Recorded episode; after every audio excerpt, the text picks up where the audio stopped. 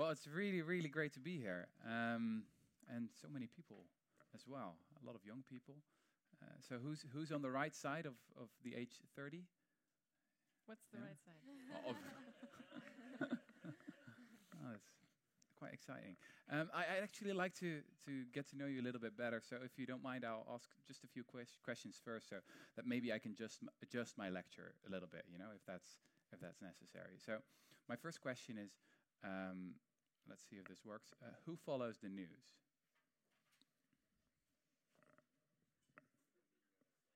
Okay. So pretty much everyone, right? It's a bit disappointing. Um, uh, and, and, and who reads a newspaper now and then? You all do. Television as well? All right. So who feels completely brainwashed? Oh, wow. Some of you actually know. so that's, that's interesting. Because I think actually that the news is an incredibly misleading source of information. Like the most important lesson of human history, you probably won't, you won't get it from, from, uh, from the news. And you know the, the most important lesson of the past 200,000 years, I'd say that is that in the past, um, let's see if this works. Everything was wars. You know that's the main takeaway of tonight. Um, for the past 99% of human history, about 99% of humanity was sick, poor, hungry, stupid, dirty, afraid, and ugly. You know, that's the natural state of humanity. And it's only very recently that things started to, started to change. So I have a few graphs to show this to you. Uh, oh, there it goes. Um, this is, for example, the amount of people that live in extreme poverty. In 1820, it was about 84% of the world population. Nowadays, it's less than 10%. So you never really get that from the news. You know, you never see a headline that says today extreme poverty declined by 0.000000001% because you know it's not happening today; it's happening every day. Um, another example is you know that we've got much healthier. For example, around 1980, only 20% of the world population was vaccinated against measles. Now it's more than 80%. Again, it's not something that you that you get from the news, but actually, the past 30 years, we've seen incredible progress. One other example is how much safer the world has become. So you might think, you know, with terrible wars, for example, in, in Syria, that things are really going downhill. But we know, according to research uh, from the Peace Centers, that actually the amount of war deaths has gone down by about 90% since 1946, annual war deaths. Um, what should we be really afraid of nowadays? Well, if we look at the homicide rate in most developed countries nowadays, about a third of all murders are committed within the, you know, within marriage, so within romantic spheres. So what I always recommend as a historian is uh, divorce. Uh, that's much safer. Um, but well, see see what you can do with that. I think it's really important to emphasize that that we are richer, healthier, wealthier than ever. That in many ways we are already living in utopia. You know, every milestone of civilization, the end of slavery, democracy, equal rights for men and women, the incredible wealth we have right now, it was all utopian once. So if we would have a time machine and could be able to, you know, abduct, abduct someone from the Middle Ages, bring him to, towards modern day Oslo, you know, that person would be astonished and would say, "This is it, you know, you have created utopia. How can this? How can it be any better?" So when I started writing on this book, it really started with a very simple main idea, and that is that the big problem of today is not so much that we don't have it good, but that we have no real vision of where we want to go next. Sorry, this is a bit annoying. It's going everywhere. Um, not a very utopian technology. Anyway, yeah, here's what I wanted to show. Um, so I think that's that is the problem, especially maybe if we look at the uh, the modern left around Europe, social democrats in particular. They seem only to know what they're against, right? against austerity, against the establishment, against homophobia, against racism, etc., etc., but not really have an idea of what we are actually for. You know, what is where do we actually want to go?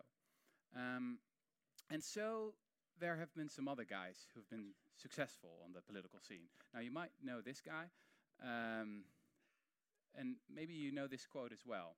It's always attributed towards uh, to Mahatma Gandhi. He never really said it, but who cares? It's a great quote. Uh, first, they ignore you, then they laugh at you, then they fight you, then you win.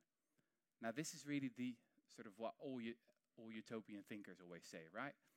Real change always starts on the fringes, you know, with the crazy ones, the people who are dismissed as unrealistic, unreasonable, impossible, etc. They come up with new ideas, and then these ideas starts moving toward the center. You know, that's how change always starts. Think of, you know, the, the women's right to vote. You know, were they the most powerful group? These women who started arguing for it at the end of the 19th century, you know, were they the group with the most money? Obviously not, but they did have a great radical idea, and then it started moving towards the center until suddenly everyone was in favor of that, or most people were in favor of that. I think that's often what we need to remember is that, you know, real change doesn't start in the political capitals of the world, whether it's Oslo or Westminster or, or, or Washington, you know, it doesn't really start there, but it really starts with those crazy people. But it's also important to remember that it works both ways. So Trump is a great example of that. Just a couple of years ago, it would have been absolutely unimaginable, you know, crazy for us to conceive that this guy could be president. And then he had this quote on his Instagram page, you know, the, the quote that is usually only used for, for left-wing idealists, um, which I, I think is quite ironic, actually.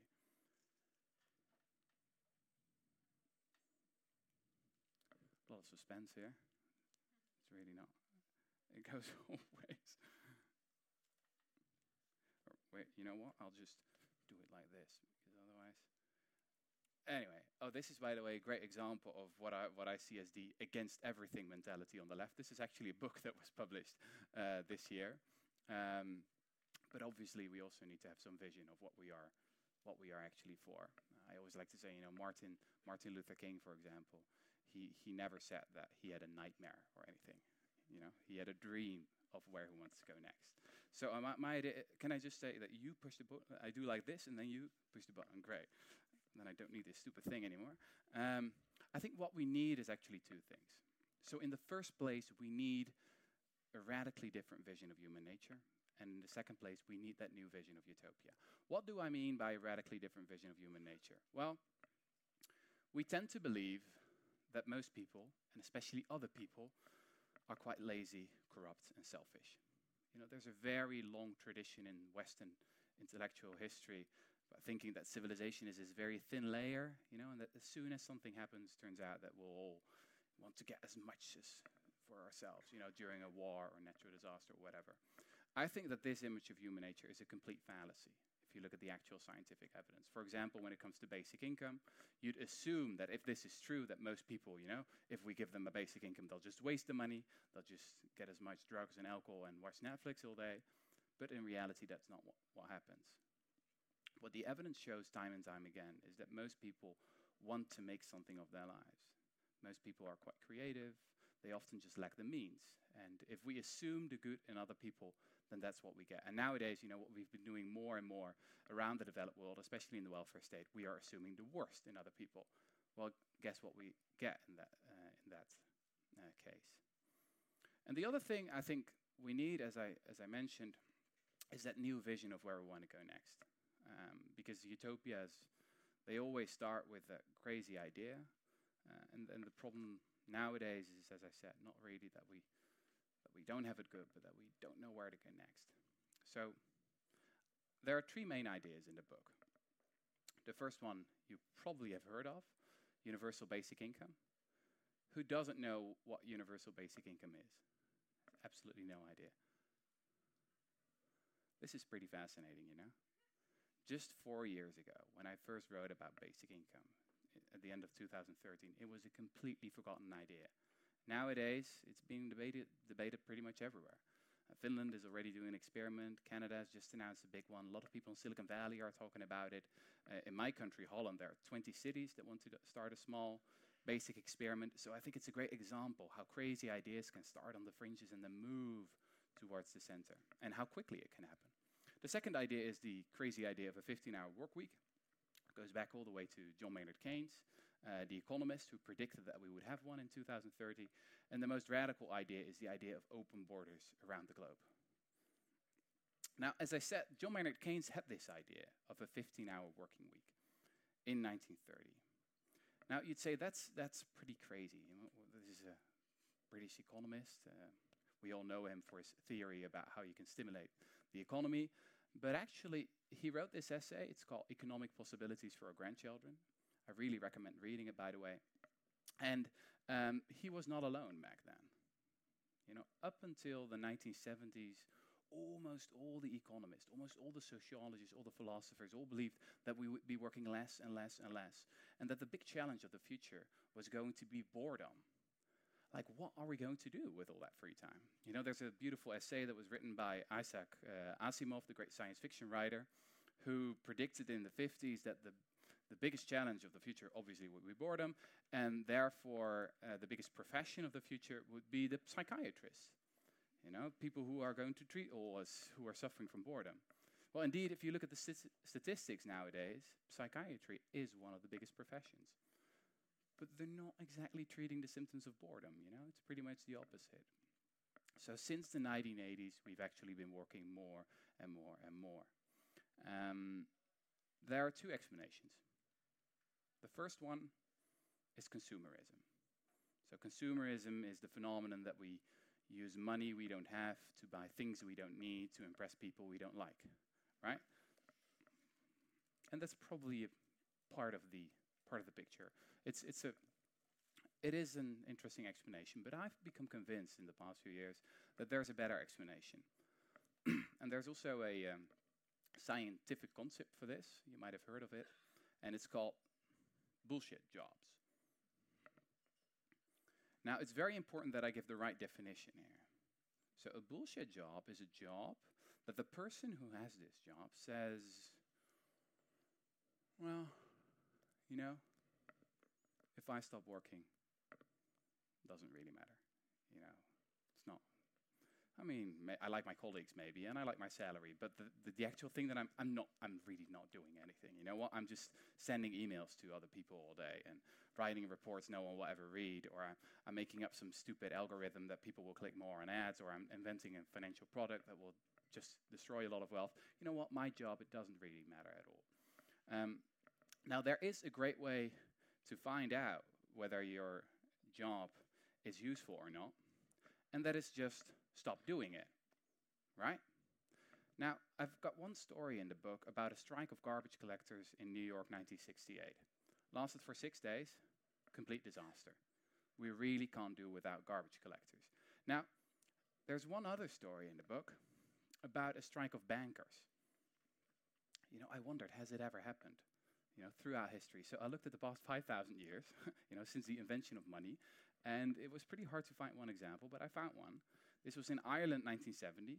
The bankers were angry that their wages were not keeping up with inflation, so they said, you know what, we are going on strike, and now you'll know it how important we are.